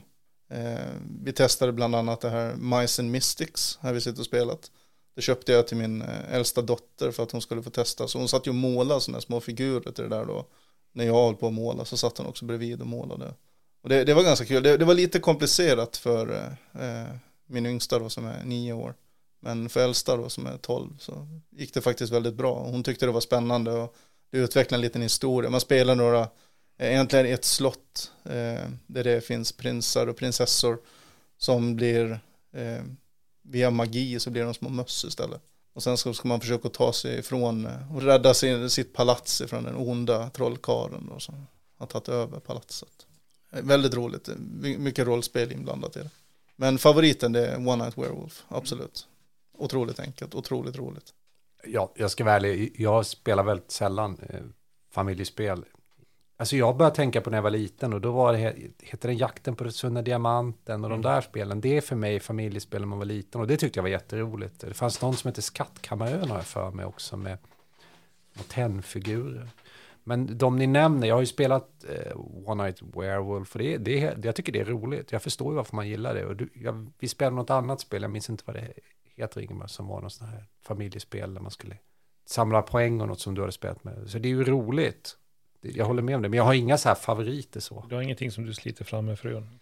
Nej, inga, inga spel alltså. Vi, nej, det blir inte så. Jag, jag funderar på att skaffa de här exit-grejerna. Jag har varit lite intresserad av att köpa och testa det. Jag har aldrig kom. Vi spelade Pandemic någon gång. Det vanliga. Eh, det var väl helt okej, okay, men hon är väldigt tävlingsinriktad så det var inget kul att spela tillsammans. Nej, eftersom du också är det då. Fast jag, jag tycker att den 18-åriga Jakob var väldigt mycket tävlingsinriktad, men jag ja. tycker att vi har spelat, alltså jag har lärt mig, jag, in, jag fattade ju inte att det fanns co-op förrän vi började spela igen. För mig var ju spel bara att vinna. Mm. Alltså det var ju det man, rollspel, men det var ju det, var det som var roligt att börja spela igen. Det var ju inte att det var, det var ju co-open. Men det är ju, det är ju en del av familjespelen såklart. Ehm, jag tar med figurspel som en rubrik. Är vi klenast på någon, något spel i den här gruppen så är vi figurspel. Det är väl inte det vi spelar oftast, men jag tar med det, för det är många som gör det. Och eh, vi har några stycken. Eh, X-Wing var väl, om man räknar det som ett figurspel, men det gör man väl. Då var det mitt första figurspel. Och det, tyvärr så tycker jag de har eh, stulit till det på sistone, för de har kommit ut med en ny version som gör att man då ska köpa till massa nya grejer. Och, och, och, och nej, jag tänkte, då, när de uppdateras sånt där, det, då känns det lite väl mycket, mycket Apple. De tjänar pengar, så då, då, då, då la jag väl av det lite sådär. Men, och sen så fastnade jag istället för Armada som är också är Star Wars. Men om X-Wing är på pilotnivå så är Armada på skvadronnivå mer. Att du, du är liksom zoomar upp allting lite mer och du kör med din flotta. Och det tar ett helt bord, man använder lite lasermarkörer och, och eh, ja men ibland så vill man liksom ställa sig vid ett bord och, och ta på sig en rutig väst och monokel och vara en krigsherre på något sätt. Visserligen då i rymden, men det, det är lite kul. Det, ja, mitt val blir Armada. Tills rymden tar slut. Tills rymden, tills man kör över kanten, eller hur var det Jakob? Ja, det var det jag gjorde. Ja. Oj då, jag ska svänga här. Oj då, det gick inte. En övningskörning. Ett svart hål. Ja. Det finns en kant i rymden, det har vi kommit fram Den kan man köra över och då förlorar man. Ja, antingen det eller så kör man flipper mellan alla alla små obstacles som står. Men du har Andreas, du har ju figurspel som en eh, högt på din lista vet jag. Eh, jo, eh, alltså figurspel, det är, jag, jag, jag, tycker det är kul, men jag tror det var mer jobbet att, att liksom skapa figurspelet än att just spela figurspelet som jag tyckte var charmen. Att måla, bygga planer, eh, spelplaner och, och den biten. Sen hade jag inte så många att spela med heller för den delen. Det var inte så många i spelgruppen som var så intresserade. Men jag, jag köpte ju på mig en himla massa, så jag har ju Legion och jag har jag köpte ju Age of Sigmar då, eh, Warhammer. Jag är intresserad, men du bor ju långt ut i skogen. så, nej, det, det, det, jag tycker det är skitkul faktiskt. Det, det är någonting som, som jag, jag, skulle vilja gjort mer. Och vi har ju pratat lite grann om eh, lite, lite sådana här figurspel som utspelas under andra världskriget. Så man kan sitta och måla sina små tanks lite grann och sina små soldater och flytta runt dem. Eh, det kan vara riktigt kul. Det tar ju lång tid. Man kan ju spela i ett par timmar, två stycken, eh, innan någon har vunnit. Så. Vad skulle du säga är din favorit där? Min, min, favorit hittills då, det måste vara, eh, det måste nog vara som du säger, Armada. Armada och X-Wing. Det är min absoluta favorit. Och jag har egentligen bara spelat eh, med er, Armada, X-Wing och Legion. Eh, och jag tycker att när jag väl gör det tycker jag det är jätteroligt. Men det känns som att det, vi gör det alldeles för sällan. Det, är liksom, det blir aldrig första tanken. Men det, jag kan tänka mig att, att de här som du nämner, nu minns jag inte vad de heter, heter de Bolt Action som är andra Ja, just det, världskriget? Bolt Action. Ja. Jag, jag är så, jag skulle gärna spela det, men jag är, har brister i estet, estetiken, vilket innebär att jag skulle inte kunna måla några gubbar. Jag, jag finner ingen ro i att måla gubbar, så skulle det vara färdigmålat och bra, då hade jag varit jättenöjd, men jag skulle inte köpa så här, nu har jag köpt massa britter, nu ska jag måla dem i kaki, det, det kommer bara bli en katastrof. Men det är skitkul att spela det. Jag, jag, så här, jag, jag tror det finns fler utmaningar för dig Jakob. Jag tror att om du kommer från ASL så går det nästan inte att gå till ett sånt. Det känns ju som att du tar någon light, light, light version av reglerna. Fast å andra sidan, då är det ju på ett annat sätt. Då blir det ju, när man, då har man ju liksom flyttat i trupper på ett bräde. Det, det är ju som, man, jag accepterar i Armada att oj, mitt, mitt skepp är för stort, nu kör du över kanten. Nu är du ute, det är ju en del av spelet. Så det, jag, jag tror att det är skitkul, men jag, jag tycker, jag spelade ju, Andreas hjälpte mig och en annan i vår grupp som heter Johan och spela och det var jätteroligt. Mm. Ja, men jag tyckte det var skitkul när vi kom ut och lirade. Det, så är det ju, det gäller ju bara att Men är det inte för mycket slumpen ändå? För ändå i de här spelen som jag tänker Bolt Action? Det är ju det är väldigt mycket slump. Och att jag kommer ihåg någon, någon diskussion, du och din bror återigen då, det hade någon, någon med någon pistol och någon stridsvagn och någon tärning. Ja, Eh, ja vi, vi, vi spelar squad leader och så påstår han att han sköt sönder stridsvagnen med en luger. Ja, men slår man bra med tärningen så? Ja, men det hävdar, jag vet att han hävdar det, men reglerna hävdar inte det, men vi kommer inte överens där. Eh, Men, men, det, men det, det är klart, men så är ju alla spel, man kan ju aldrig Ja. få en fullständig simulation. Men samtidigt, det är kul med figurspel. Jag, jag minns ju när jag såg dem spela eh, mycket sådana här medeltida reenactment-spel. Det ser jätteroligt ut när de flyttar och liksom strider. Då finns ju ett taktiskt tänkande. Så det, det, jag tyckte att det var svårt. Alltså det, det, det är en helt annan taktiskt tänkande att spela när vi spelar Cthulhu Wars. Men när vi spelar figurspelen så var det så här, ja men då blir det, det blir nästan ett, det blir ett helt, det blir en, en dimension till i tänk, hur man ska flytta sig, för då blir man beroende av. Är, man lite skrämd för det där med att man ska sitta liksom och, måla alla sina små figurer och bygga sina planer och sånt. Så finns det ju ett spel som heter Frostbite. Eh, som kom tidigt 2000-tal. Det, det är ganska häftigt för du köper egentligen bara en regelbok. Sen kan du använda vilka figurer som helst. Du kan köpa figurer från vilken leksaksbutik som helst. Och sen kan du använda de figurerna. För det är egentligen bara de korten och de böckerna och de reglerna som du använder. Figurerna egentligen spelar inte så stor roll. Nej. Så har det bara någonting tematiskt så, så kan man använda det. Sen Jag har en kasse smurfer som jag... ja, absolut. jag ja, okej. Det går att använda. Så Kanske, kanske pajar känslan lite. Det pajar känslan lite grann. Ja, då kommer vi in på rollspel. Och eh, här har jag ju några klara favoriter såklart. Jag har tillbringat år framför Stormbringer. Så där har vi kört många kampanjer. Det är ju med bland de favoriterna. Jag gillar, det är nog fantasy-favoriten ska jag säga. Eh, sen dras jag till det moderna. Jag har mycket enklare för att sätta mig in i modern eh, värld där man pratar komradio och, och eh, lasermetare. Det känns ändå som att det kan jag någonting om. Jag vet att vi har provat lite Cthulhu ibland eh, som, jag, som jag tycker är jättekul. Men då spelar vi på 1920-tal och sånt här. Och jag, jag, måste, jag kommer på mig själv, jag måste hela tiden fråga, kan, kan jag gå och ringa? Finns det telefoner? Kan jag, jag, jag, jag kan ju så lite om 1920-tal egentligen på den nivån. Så, så att jag, det, ja, man går till biblioteket när man ska hitta information och du vet man. Så därför har det ju blivit att jag har blivit enklare att jag gillar moderna spel. Kult har ju, har ju också utspel skräck då, som jag tycker ändå att jag lyckas att spela det ganska bra med och, i modern tid. Men mitt val, slutligen inom rollspel, det faller faktiskt på ett spel som vi inte har spelat. Det, jag tog upp det bara för att jag är så sugen. Jag köpte Svavelvinter, som är liksom en, för det första en liten blänkare till, eh, till det här gamla Drakar och Demoner-eran. För det var ju en modul som hette Svavelvinter, men nu har den kommit ut då från Fria Ligan som ett eh, fristående rollspel. Jag gillar den världen som Svavelvinter utspelar sig. Eh, och jag ser fram emot spelsystemet där man har en bägare på bordet och så fort man gör någonting bra, något heroiskt och allting, då får man ta en extra tärning ur den här bägaren som man sen kan använda för att göra ännu mer heroiska grejer med. Jag, jag, jag tycker det verkar fantastiskt kul. Så jag, det, jag tog faktiskt fram det, trots att jag, vi inte har spelat. Det är väl konstigt, men Svavelvinter. Kanske dags att börja göra karaktärer nu, så att vi kan liksom komma över det första steget. För det handlar ju det handlar om att komma igång alltid, det är ju så. Ja, men det är ju näst, det är nästan lite charmen i sig att sitta och göra karaktärer.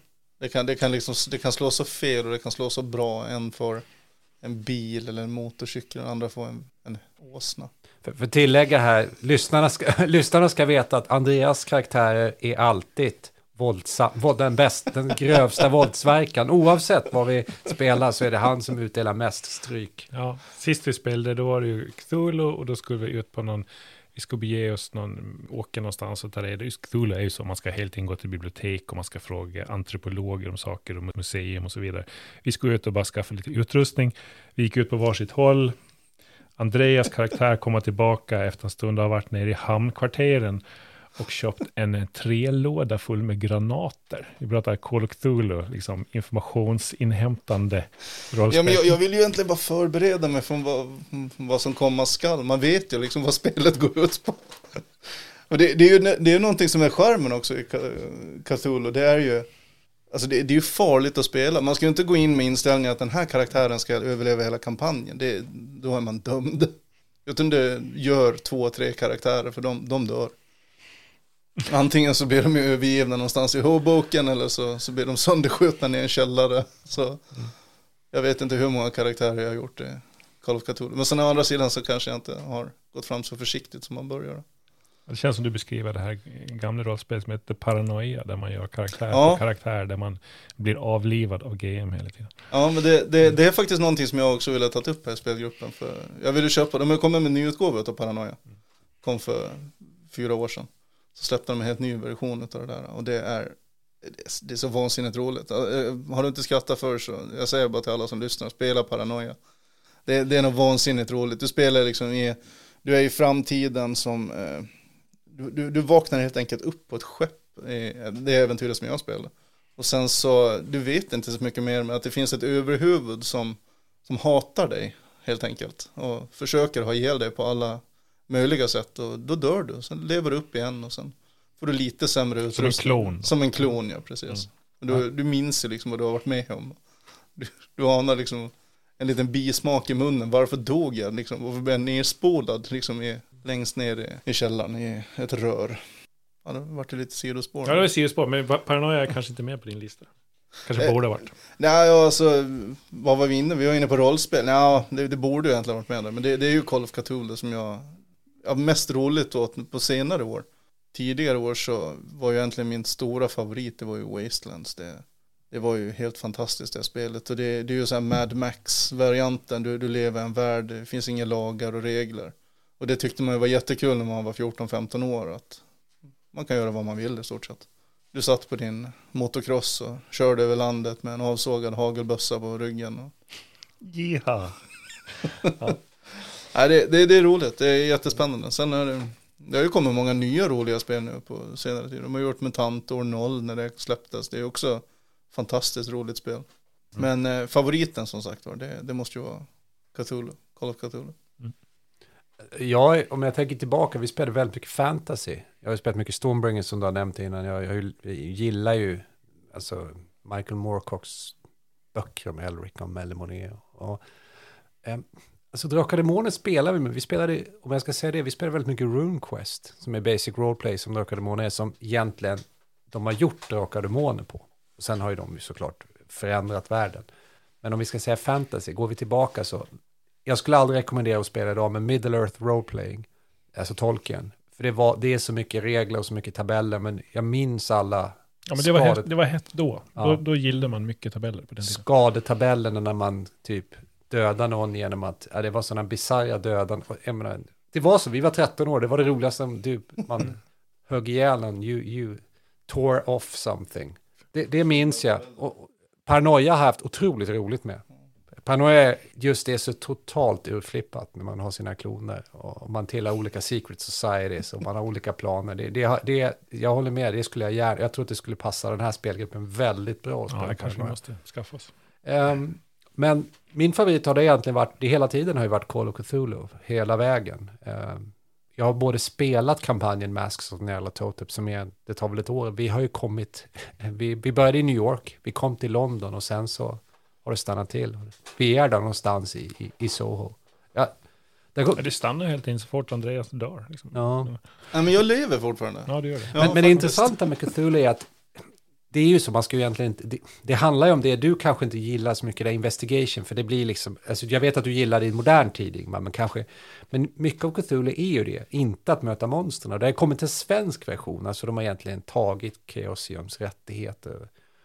Och den ska tydligen vara mer mot investigation-tänkandet. Och det finns ju för alla lyssnare, det finns ju moderna Cthulhus som är en modern Mm. tid, så då, då, då, då kan man ju anpassa det. Men jag gillar ju hela den Lovecraftian mythos. Och vi nämnde ju Cthulhu Wars, Andreas har nämnt Arkham Horror. Mm. Den är kortspel. jättestor. Ja, Den, den, alltså. den är fin, det är liksom en jättebrunn att liksom bara plocka ur. Och sen är det ju en ny genre, jag ska vi säga ny, för den, den har inte funnits alltid, men där man spelar co-op. Det fanns ju inte när vi var, var när vi höll på som mest. Men nu, co-op alltså, man spelar med varandra. Med ofta också inslag att det finns en, kanske någon som har sitta med någon svarte petter. Det finns någon som kanske har någon evil plan. Det är må, många spel har sånt inslag av uh, betrayal. Men uh, Coop är en stor genre. Jag tycker det är jättekul. För om man inte gillar de här konflikterna som skapar dålig stämning, då ska man testa Coop-spel. Junta, det var kanske det dåligaste eh, exempel, för där blir det lite konflikter såklart. Men ändå, det finns lite paktande där, så jag tog med det. Jag tycker Junta är kul. Nemesis, ett spel vi har spelat, som egentligen är Alien. Men de fick väl inte heta Alien antar jag. Det andra- fick inte rättigheten. rättigheten, så de heter Nemesis. Men det är verkligen, det är alienmonster, man är på ett skepp, man ska hjälpas åt och ta sig därifrån. Vi har ju haft hur kul som helst med, med Nemesis.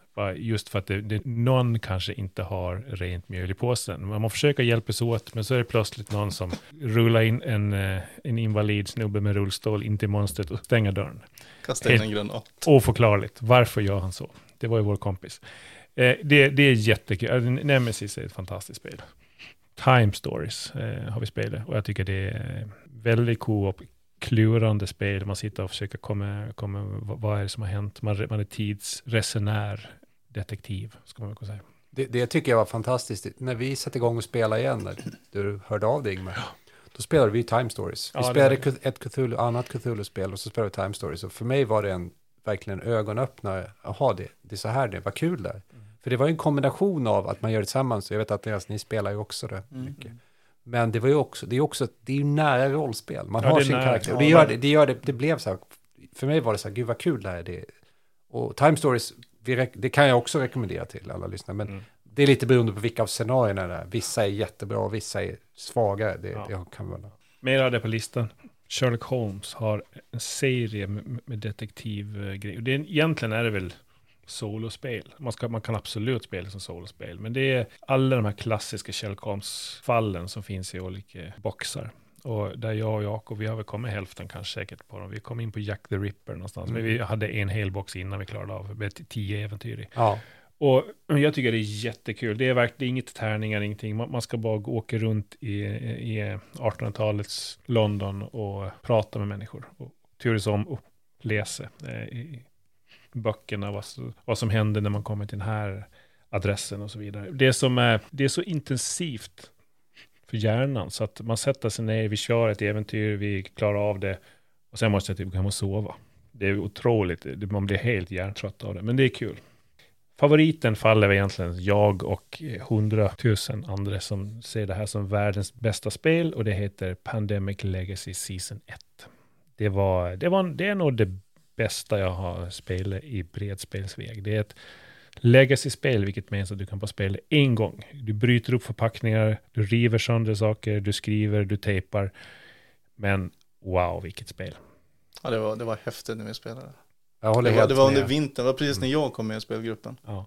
Och det kostar, kostar kanske åtta, jag vet inte, det kostar 6-700 Ja, det, det, är, det är värt varenda Det, ja, krona. det är värt varenda Det är det som är Ja. konstigt. Folk tycker, men vadå, du kan spela igen? Nej, allting går sönder när man har spelat. Men det är alltså upplevelsen, det är, den är fantastisk. Hur, hur många gånger satt ni nu och spelade? Det måste ha varit fyra gånger någonting. Fyra eller fem gånger. Mer tror jag faktiskt. Vi spelade, jag, jag får räkna, vi spelade 30 timmar nästan. Va? Ja, Man, man spelar ju ett års tid, från januari till, till december. Och man kör väl en, två månader i, åt gången när man sätter sig ner och spelar. Eh, det är fantastiskt. Jag, och jag kan bara hylla in i lovsången. Sen finns det Pandemic Legacy, Legacy Season 2, vilket du köpte Andreas, och vi spelade. Ja. Vi kom halvvägs och sen tyckte vi att De måste Det var lite till- för monotont. monotont. Nu har det kommit Season 0, alltså en prequel till Season 1 som jag har köpt. Det ligger inplastat precis här bakom mig.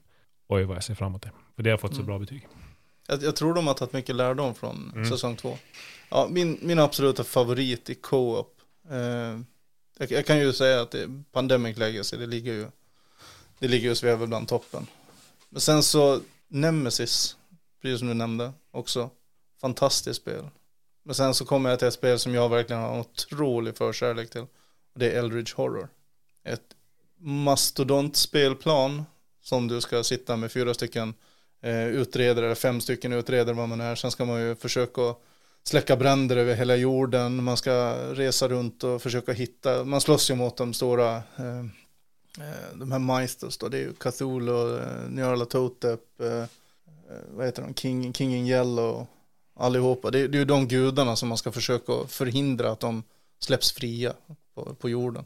Och sen har du ju dina egenskaper för varje karaktär som kan göra vissa saker. En del kan skjuta lite bättre, en del kan utreda lite bättre. Det otroligt roligt spel. Jag spelar med väldigt många personer. Vi har spelat det tillsammans. Vi har kört det två, tre, fyra gånger sådär. Vi, Ja. Nästan, ja, kanske en gång vi har kommit till slutet. Men det, det, det tar längre tid än Ja. vad, man, vad man tror. Absolut, det, det, tar ju, det tar ju två, tre, nästan fyra timmar att spela en session på det. Men det, är- det är ju ett otroligt roligt spel och det, det ligger mig riktigt varmt om hjärtat. Så det är min absoluta favorit. Ja, alltså Pandemic 1, fantastiskt skoj. Nemesis gillar jag jättemycket. Det, det, därför det, det är ett slags co-op som blir PVP. Alltid, jag gillar ju Eldritch Horror, är ju en sucker för Cthulhu Mythos, men vi, ett av de sista spelen, det, kanske det sista vi spelade innan pandemin började, hette Kings Dilemma som är ett legacy-spel. Mm. Som är, där man, man spelar egentligen ett, ett, det är ett fantasyrike och där man tillhör olika familjer och så påverkar man vad som händer med ganska mycket etiska ställningstaganden. Och man drevs alla, så det är gemensam kraft att klara av spelet, men alla hade vi olika agendor hela tiden, vilket gjorde att det blev otroligt roligt att spela. Det blev fantastiska etiska dilemmor. Och hade vi då haft en, en Säg att vi hade haft en YouTube-kanal som hade visat det här så hade vi inte kunnat visa det här.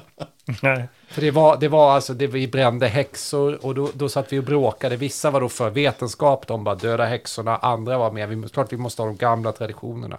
Den känslan av att, att man, för mig var det att bara vara med i någon sorts berättelse. Det var det som var så kul med det, att det var liksom en etisk berättelse. Sen kan man ju aldrig spela det igen. Men vilket man inte kan med Pandemic, men jag tror att de andra, det varierar. Så det gillar jag jättemycket, just att vi är mot varandra och med varandra. Ja, jag, jag minns det här speciellt när man ska försöka övertyga någon, för så är det. Om, om jag, jag, jag har en speciell agenda, vilket jag samlar på en viss sorts resurs. Och, och en, en sån resurs skulle jag få om, i det här fallet, då, om vi skulle avliva den här kvinnan för att hon är häxa och så vidare. Men då måste jag övertala er att ni också ska tro på att hon är häxa. Och den här, de här diskussionerna, det är ju därför vi aldrig ska kunna visa det på YouTube. Det blir ju, det blir ju bisarra eh, diskussioner där man ska prata för någonting som man inte tror på egentligen, alltså som har med, med ens person att göra. Men det är ändå i spelet så spelar man en annan karaktär. Och det, Kings Dilemma, ja jag håller med, fantastiskt. Vilket spel var det som vi fick såna små lappar vi ska skicka till varandra? Var det inte Kings Dilemma? Man ska skriva lite på lapparna och kunna skicka till varandra. Jag får mig, jag får mig du hade lite, du la ut lite papper och penna som man ska kunna skicka. Man kan Ja, skriva det- lite så här, men vi, vi ska pakta lite. Det finns lite i fler spel, jag vet vi har använt det i eh, Game of Thrones bredspelet Ja, också. Ja, Då, just det. då har vi suttit och skrivit lappar till varandra. Och Alla, Det- det börjar ju väldigt- med att alla, alla hoppar på mig i slutet, det gör jag alltid. Så är det när man spelar bo- fel faction. Ja. All right, det var co-op. Då går vi in på, eh, det här är en kul rubrik, besvikelse. För det är klart att man har varit så, man har sett fram emot något spel och man har eh, drabbats av besvikelse. Och jag har några sådana, eh, Root var en sån. Alltså det, det, är, det, det finns ju många som tycker att det är kul och det, när man läser om det så det är, man, det är alltså ett krig som utspelar sig i skogen med små gulliga djur. Det är mellan kråkor och ek, e, ekorrar och små fluffiga varelser. Men de, är ute på krigståg och så. Och det, det är ett, ett, ett ganska djupt spel egentligen. Det finns många olika strategier och det är väl, kanske ett av de mest asynkrona spelen som finns. Det är väldigt asynkront. En kan vara en armé med fåglar medan en annan spelare är en enda tvättbjörn, men den här tvättbjörnen, han är så magisk så sjunger de det. Eh, väldigt asynkront. Jag tyckte det var tråkigt. Jag, jag vet inte, jag, jag, får inte in känslan för Root. Jag, jag, jag det går inte. Det, Ja, det är en besvikelse. Du, du sa Ja. att du hade svårt att relatera till 1920-talets Cthulhu. Ja, men små gulliga djur i skogen kan man väl relatera till. Men jag, jag ska vara ärlig, jag tyckte om, vi har spelat Root tre, fyra gånger. Ja. Och jag tyckte det varit jätteroligt, för det har varit så olika agendor. Någon som är någon så här, som är någon sprides, som är någon så här, ja, jag bara går runt långsamt. Och Andreas spelar någon som skulle vara mer aggressiv. Jag tyckte det var skitkul. Ja, det kanske blir, Mm. men det, det kanske det att det, det tar några gånger när man kommer in i det. Det är så asynkront så jag, jag har fullt upp med att förstå min tvättbjörn, så jag fattar inte vad dina, dina kråkor ens håller på med. Det, det, det är verkligen, jaha, du kan flytta det helt plötsligt 100 steg och varför då? Det, jag vet inte, det, det är för asynkront kanske, men det är bra. Okej, jag tar bort den från Nej, men, det, det, Men det, samtidigt, jag kan väl hålla med att man kan ju ha besvikelser som man, man, man har ju alltid förväntningar på saker Ja. som sen inte slår in. Nej, Så så. Nästa är besvikelsen är Wingspan. Det är alltså folk pratar ju sig tåkvarma om det här spelet. Och jag, jag tänkte att ja, men jag kanske, jag köper det, inte till oss men jag tror jag köpte det till familjen, till barnen för ursprungligen. Och, och, ehm, och sen sätter man sig ner, men det var väl du och jag, Jakob, Ja. som, som, Vi, som både du och jag tyckte att det var så här, ah, det här var ingenting. Och så tänk, började vi diskutera, jag tänker det här kan du inte spela med, med dina Nej, barn. det var, det var ganska avancerat. Ja, Ja, ja. ja. Och så med, till och med du, och sen, det blir lite konstigt ändå när, när vi sitter här, du och jag, vi, vi sitter, ja nu, nu bygger jag ett, eh, två ägg här i mitt bo och du bygger, det blev, det blev fel års, årsmodell för det vi, vi sitter ju normalt sett och bara tyskt infanteri, nästa lägger Ja. eh, täckeld och sen går vi till att mm, jag har tre ägg i mitt bo, hur många har du? Så det var väl en liten besvikelse kanske. Jag vet inte vem som det passar för, inte för mig. Nu kommer det roliga, för en av min eh, toppval besvikelse är Mice and Mystics, som du hade med som du tyckte var fantastiskt kul. Och jag tyckte det var riktigt ruttet. Jag, jag vet inte, det, det var, eh, de försöker vara lite rollspel och, och det är bara, man, det är så här tidsgräns, du måste hinna med att plocka upp alla de här och ta dig hit och, och, och, och, jag bara känner, eh, stress har jag nog av på jobbet. Varför ska jag sitta hemma och stressa med några, med några möss som, som och det är ganska invecklade regler, så jag fick inte med mina barn på det där. Jag vet inte vad du matar dina barn med. Det är en besvikelse. Mice and Mystics, köp inte. Fast, vi spelade vi det en gång. Jag för mig att vi spelade Mice and Mystics här nere. Du har ju det där. Ja, ja. Och jag, tyck, vi, jag, jag kan hålla med om att det var så, vad, vad är det här? Det, det, blir, det är något som inte stämmer. Det, det är en käns, Ja, den känslan som finns ibland att det här är något som inte riktigt är hundraprocentigt vad vi håller på med. Jag, jag förstår ju det. Det, det är ju liksom, vi sitter här 40 till 50 år och sen det här är ett spel som inriktar sig till 8-9-åringar. Så det, det, det är ju svårt att liksom säga att nej, men det här det var ett riktigt bra ja spel. den passade inte med den här. Men jag, jag, jag, jag, faktiskt, jag måste börja med att hålla med att reglerna var ju faktiskt mer komplicerade än vad de behöver vara. Det, det var de. Jag fick ju sitta och läsa reglerna och det, det slutade ju med, alltså när vi har suttit och spelat i en timme, de, de tycker det är kul. De har ju liksom ett, ett ja, koncentrationsspann som kan jämföras med en mygga ibland, mina barn. Så det är liksom efter, efter 20 minuter och det har inte hänt alldeles för mycket då och jag får sitta och läsa regler mitt emellan, då tröttnar de och så springer de iväg med TikTok eller vad det nu kan vara för någonting istället så sitter jag och slutar själv. Jag, jag har egentligen, det, det är få spel som gör mig besviken. Jag tycker det är kul att testa dem för jag uppskattar dem men jag kanske inte sätter dem som något toppval. Så all, allting är bra eh, med lite dåligt i eller så är det väldigt dåligt med någonting bra i. Eh, men det finns ett spel som jag har varit besviken på. Spelet i sig, historien i sig, allting är jättebra. Eh, och det är This War of Mine. För det spenderade jag ungefär två och en halv vecka och sitta och måla varandra liten figur. Jag gjorde allting så fruktansvärt bra till det där spelet. Presenterade det på spelbordet här hos dig Ingemar. Och det slutade med att alla var döda inom 25 minuter i det där spelet. Då hade de dött av svält eller så har de skjutit sig själva för de var deprimerade. Alltså då ska man ju förklara att det här är ju ett spel som utspelar sig. Det var väl efter kriget nere på Balkan. Och då, då ska man liksom överleva i ruinerna där och det, det vart en liten nomadstad där. Mycket dystopiskt spel. Otroligt dystopi- dystopiskt spel. Det, det har ju fått liksom, det- det började ju som ett litet dataspel det här. Som var ett litet indiespel. Och sen så, så utvecklade då ett spelföretag som heter Awaken Realms. De tyckte att det här ska vi anamma och sen ska vi göra ett spel utav det. Vilket de gjorde också, men det är ju så svårt att överleva så jag har varit så besviken. Och det är också sådana här stressspel. För det är så här, du vaknar upp, du är jättehungrig. Om du går ut, då dör du. Okej, jag är kvar inne. du är så hungrig så du kan inte resa dig upp. Ja, då ligger jag ner då. Ja. Då dör du. Så det, det är liksom, det är sån stress, som man, och man kan inte göra någonting och det är mörkt och lampan slocknar och det kurrar i magen och godnatt. Ja. Ja, det, det, det var, jag, jag tror det kan vara roligt om det fanns lite lättare regler, att man kunde skippa några små steg. Men... Ja, Jag vill, jag vill säga det, jag har ju spelat dataspelet och det är svårt som fan. Alltså det är riktigt Mm, svårt. Men det det, är det. när vi spelade det så kändes det som att vi satt och läste regler, men vi förstod inte. Det är no, min känsla var, och det kanske var er känsla också, att det är något som inte stämmer.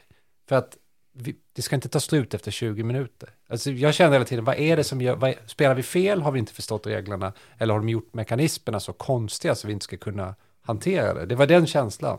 För Det var ett bra koncept, men det, det liksom föll bara. Ja, jag håller med. Det jag tror det är ett jättebra spel om det är så att man överlever lite längre. Då har du något fruktansvärt bra spel. För du ska ut och du ska ju samla resurser och mat och vatten. Och... Mycket kan ju vara så att man, man helt enkelt bara missförstår reglerna. Vi gjorde det med Gloomhaven, vet Ja, jag. Det, vi läste ju fel, så första, första boss, eller först, det är inte ens en boss, första monstret man, man, man möter, det vi vet ju att det finns en boss någonstans i något annat rum längre bort, men första, första grejen som bara dyker upp, han, vi hade ju läst så fel, han kastar ju ur sig Det eh, kommer nya soldater. Ja, nya soldater, alltså Varje bes, varv. besvärjelse som ett maskingevär. Liksom, alla bara, ja, vi har, vi har spenderat liksom en timme, en och en halv på att dyka upp. Det tar extrem tid att dyka upp Gloomhaven. Ja, och sen är det liksom över på en kvart bara för den här besvärjelsemaskinsprötan som vi har läst helt fel. Ja, det, det visade sig sen att det var varje gång det kortet kommer upp, det är då han ska göra sin stora ability. Men det, det gjorde varje det varje, varje ronda. Så det var ju så jävla, det var ju så överreklamerat liksom med folk i det där lilla rummet. Det var ju monster överallt. Det fick liksom inte plats med, med sådana skelett som han tar fram i, i rummet. Liksom. Det är bara, ja, det här var inte kul spel. Ja. Alltså, jag tänker så här, hype-mässigt så är det nog Pandemic Legacy Season 2.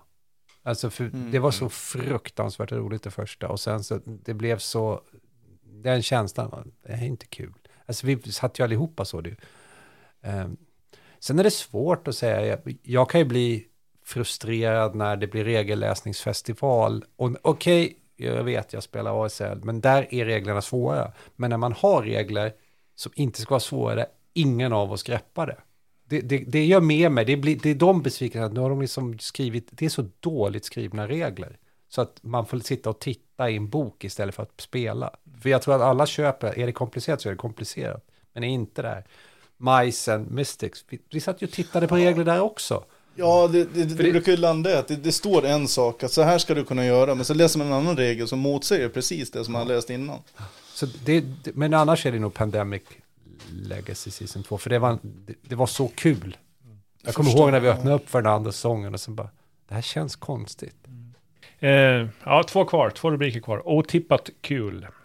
Och där tänkte jag bara om man har någonting som man, man hade låga förväntningar och, och sen köper man det och man testspelar och det var hur kul som helst. Och då, då har jag ett val där. Det heter Ancient Civilizations of the Inner Sea. Det är ett, eh, ett obskyrt spel. Jag ropade hem det på Tradera någon gång och tänkte ja, det handlar om det Medelhavet, romarrike, whatever. Jag köpte det och sen var det det var hur kul som helst verkligen. Man, man är en civilisation kring eh, Medelhavet och sen har man lite spelkort på handen. Spelkorten är lite jordbävningar, naturkatastrofer och så försöker man att att slänga spunk på sin, sina medspelares eh, civilisationer så att man själv kan växa i sin civilisation. Så det, det är enkelt att spela och det är kul och man, man sitter och svär när det kommer flodvågor eh, på en från någon annan och sen så hämnas man med någon vulkan och, och jag, jag tyckte det var eh, otroligt kul spel som jag inte hade förväntat mig. Jag var ju med och spelade, du och jag testade första gången. Och jag, för mig var det ju ingen, jag, det var inte så här, jag var inte överraskad att det var kul. För så fort jag såg att, du sa att du hade köpt det så tänkte jag, men det här är ju som det gamla Civilization. Och jag är som historieintresserad så insåg jag att det här kommer nog bli kul. Vilket jag tyckte det är, och vi har ju spelat några gånger. Jag minns när horder av barbarer, om det var Andreas som råkade ut för det från flera håll. Men Just bara, jag spelar det här kortet.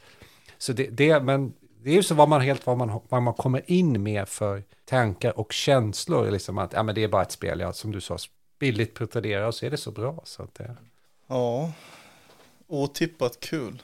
Jag tror, jag tror jag har varit ganska så påläst med det mesta innan jag har börjat spela det. Så det är inget sånt som man fick en chock av. Men det är någonting som jag hade lite låga förväntningar på. Det var ju faktiskt, det var ju de här Living Card Games.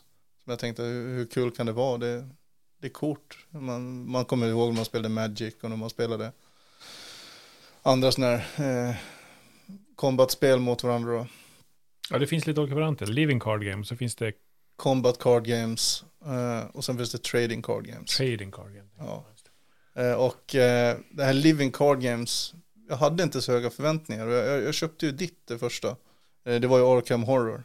Och det tänkte jag att det, det var någonting som jag ville ha hemma bara för att testa att spela med mig själv. Och det visade sig vara så förbannat roligt. Även om man satt helt själv hemma. Och sen duka upp den här lilla mattan, blanda sina kort, man får bygga sin karaktär, vilka förmågor man har. Och sen så börja läsa äventyret för sig själv, man satt där med ett glas vin och lite stämningsfull musik på. Det, det var, jag hade sjukt roligt hade. Jag, jag måste ändå säga att jag beundrar din integritet. Att, eh, i den bemärkelsen att den betyder ärlighet mot dig själv. Vi har precis haft en avsnitt här som handlar om integritet. Men om vi tänker, jag beundrar din styrka då. In, in, inre styrka, att du inte fuskar. För jag tänker, Ja, det, för det händer mig när jag, om jag sätter mig själv med en sån. Och så sitter man och säger, ja nästa kort jag drar är, jag har den här maffiabossen. Ja, jag vill lägga han längst, så jag drar ett nytt kort. Den, jag, jag, jag är inte så ärlig mot mig själv. Jag, nej, men jag tycker, åh, jag har dukat upp allt det här, det går så bra nu. Var, varför drog jag den här grejen? Och så lägger jag tillbaka den och så tar jag något nytt kort. Och så. Ja, men jag, jag tycker jag vet inte om det är så mycket integritet, men jag, alltså jag, jag uppskattar ju spelen så mycket i sig. Så det har egentligen ingen större betydelse med om jag vinner eller förlorar. Det kanske ni har märkt i den här gruppen. Jag, Ja, du är den bästa, bästa förloraren faktiskt som vi har. Ja, Ja, men du det, är det, är jätte- det är sällan jag vinner. Men Ja. det, alltså det, för, det, för mig sp- spelar det ingen roll. Det, det, det, det rör inte mig i ryggen om jag förlorar. För jag har haft så otroligt kul på resan dit. Mm. Och innan jag förlorade. Och det var även med de här kortspelen som jag satt själv. Sen var det ju, jag köpte ju Jakobs spel, Lord of the Rings. Det är också kul. Det är bland det, svåraste jag... Ja. Ingemar jag spelade en gång i tiden. Vi bara...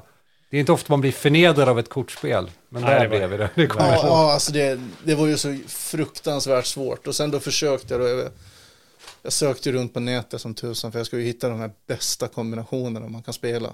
Och det spelade ingen roll, vad jag än valde. Så det, det, det vart ju bara mos och pannkaka utav mig. Det, det, det, det kom någon stor nazgul eller så kom det någon, något bergtroll som de bara satte sig på en så var det klart sen. Liksom. Det, det spelade ingen roll vad man gjorde. Och det, det vart ju lite så här, Det går, men jag skulle säga att det går, det går, men det gäller ju att lära sig. Det är, väl, det är väldigt så tydligt, man måste få ha lite flyt och sen veta kom, kombinationer väldigt jämfört med Arkham Horror. ja jo, jo absolut, visst är det så. Mm. Ja, Arkham Horror är betydligt mer förlåtande. Men det, det är, det, det var förvånansvärt roligt. Jag hade inte trott det. Det är så svårt, för, för mig är det när jag kommer ner här och spelar Time Stories för första gången eller i, i ditt kök, Ingemar. Alltså det här, för jag hade inte spelat spel på, så Mm. sa jag till hemma att ja, vi ska spela spel. Liksom. Hon, ja, ja. Jag menar, jag hade inte spelat spel på hur länge som helst. Här. Bara, och just den känslan, att fan vad roligt det är. Alltså den överraskningen. Och sen kan spelen vara bättre och sämre, tycker jag. Ibland kan vissa spel Mm. vara jättebra, Mm. ibland är det så här, ja, men det är ju som Andreas säger, då är det ju så här, ja, det är ju det är ju kul. Det är kul, och det är kul att testa. Jag menar, jag gillar ju, när Ingemar och jag testade Empires of the Sun, ett så här stort strategispel om, om kriget i Stilla havet som står där som är ett, ja, Twilight Struggle, flera av de här spelen är jättebra. Och det, man, bättre än vad jag trodde, skulle jag säga. Så det, är, det är mycket. Det är kul, allt är kul att testa. Ja, det blir ett långt avsnitt det här, men vi är framme vid sista punkten och jag tror ändå att de, eh, de som lyssnar nu, de är verkligen intresserade av det här också. Om man har hållit ut så här länge. All time favorit. Um, då, då drar jag till med Cthulhu Wars. Det var, um, det får bli min uh, go-to. Om jag ska introducera någon i eh, uh, spelandets, det lite mer avancerade spelandets uh, eh, värld, ska jag säga. Ja, min all time favorit. Det, det måste ju vara det, som du sa, om man ska introducera någon att spela. Då, då är det nog, då är det nog Time Stories. För mig, alltså om det är intresserad att spela, då är det någon av dem. Men om, jag fick, om det är ett spel som jag tror jag kommer spela tills jag typ inte minns, så är det väl Advanced Squad Leader. För jag, jag är helt högt på hur svårt det är och hur dålig jag är på det och hur mycket mer man kan lära sig. Eh, men det är, ju, det är ju acquired taste. Men det finns, det finns så många bra spel. Det är, det är väl kanske det, ni hör ju hur mycket spel vi har nämnt här. Och, och vissa är, är bra och andra är ännu bättre och vissa kanske tycker vi är dåliga. Men det är ju det det roliga, att vi gör det tillsammans. Det är ju det som är grundtanken. Precis. Det är väl det enda värdet som man kan ta, ta med sig av det här. Spel kommer och går, men att man träffas, att man har en anledning att träffas och att, man, eh, att vi tycker det är så kul som det är. Mm. Tack så mycket för det här, hörni. Tackar. Tack för att du fick komma hit. Vi hörs. Är det så att ni tycker att vi har glömt någonting, som vanligt, gå in på Utsiktspodden, Facebook, eller så finns vi på Instagram. Skriv i kommentarerna. Kom med förslag. Vilka är era favoritspel? Och eh, vilka är bottennappen man bör undvika? Eller något kul minne.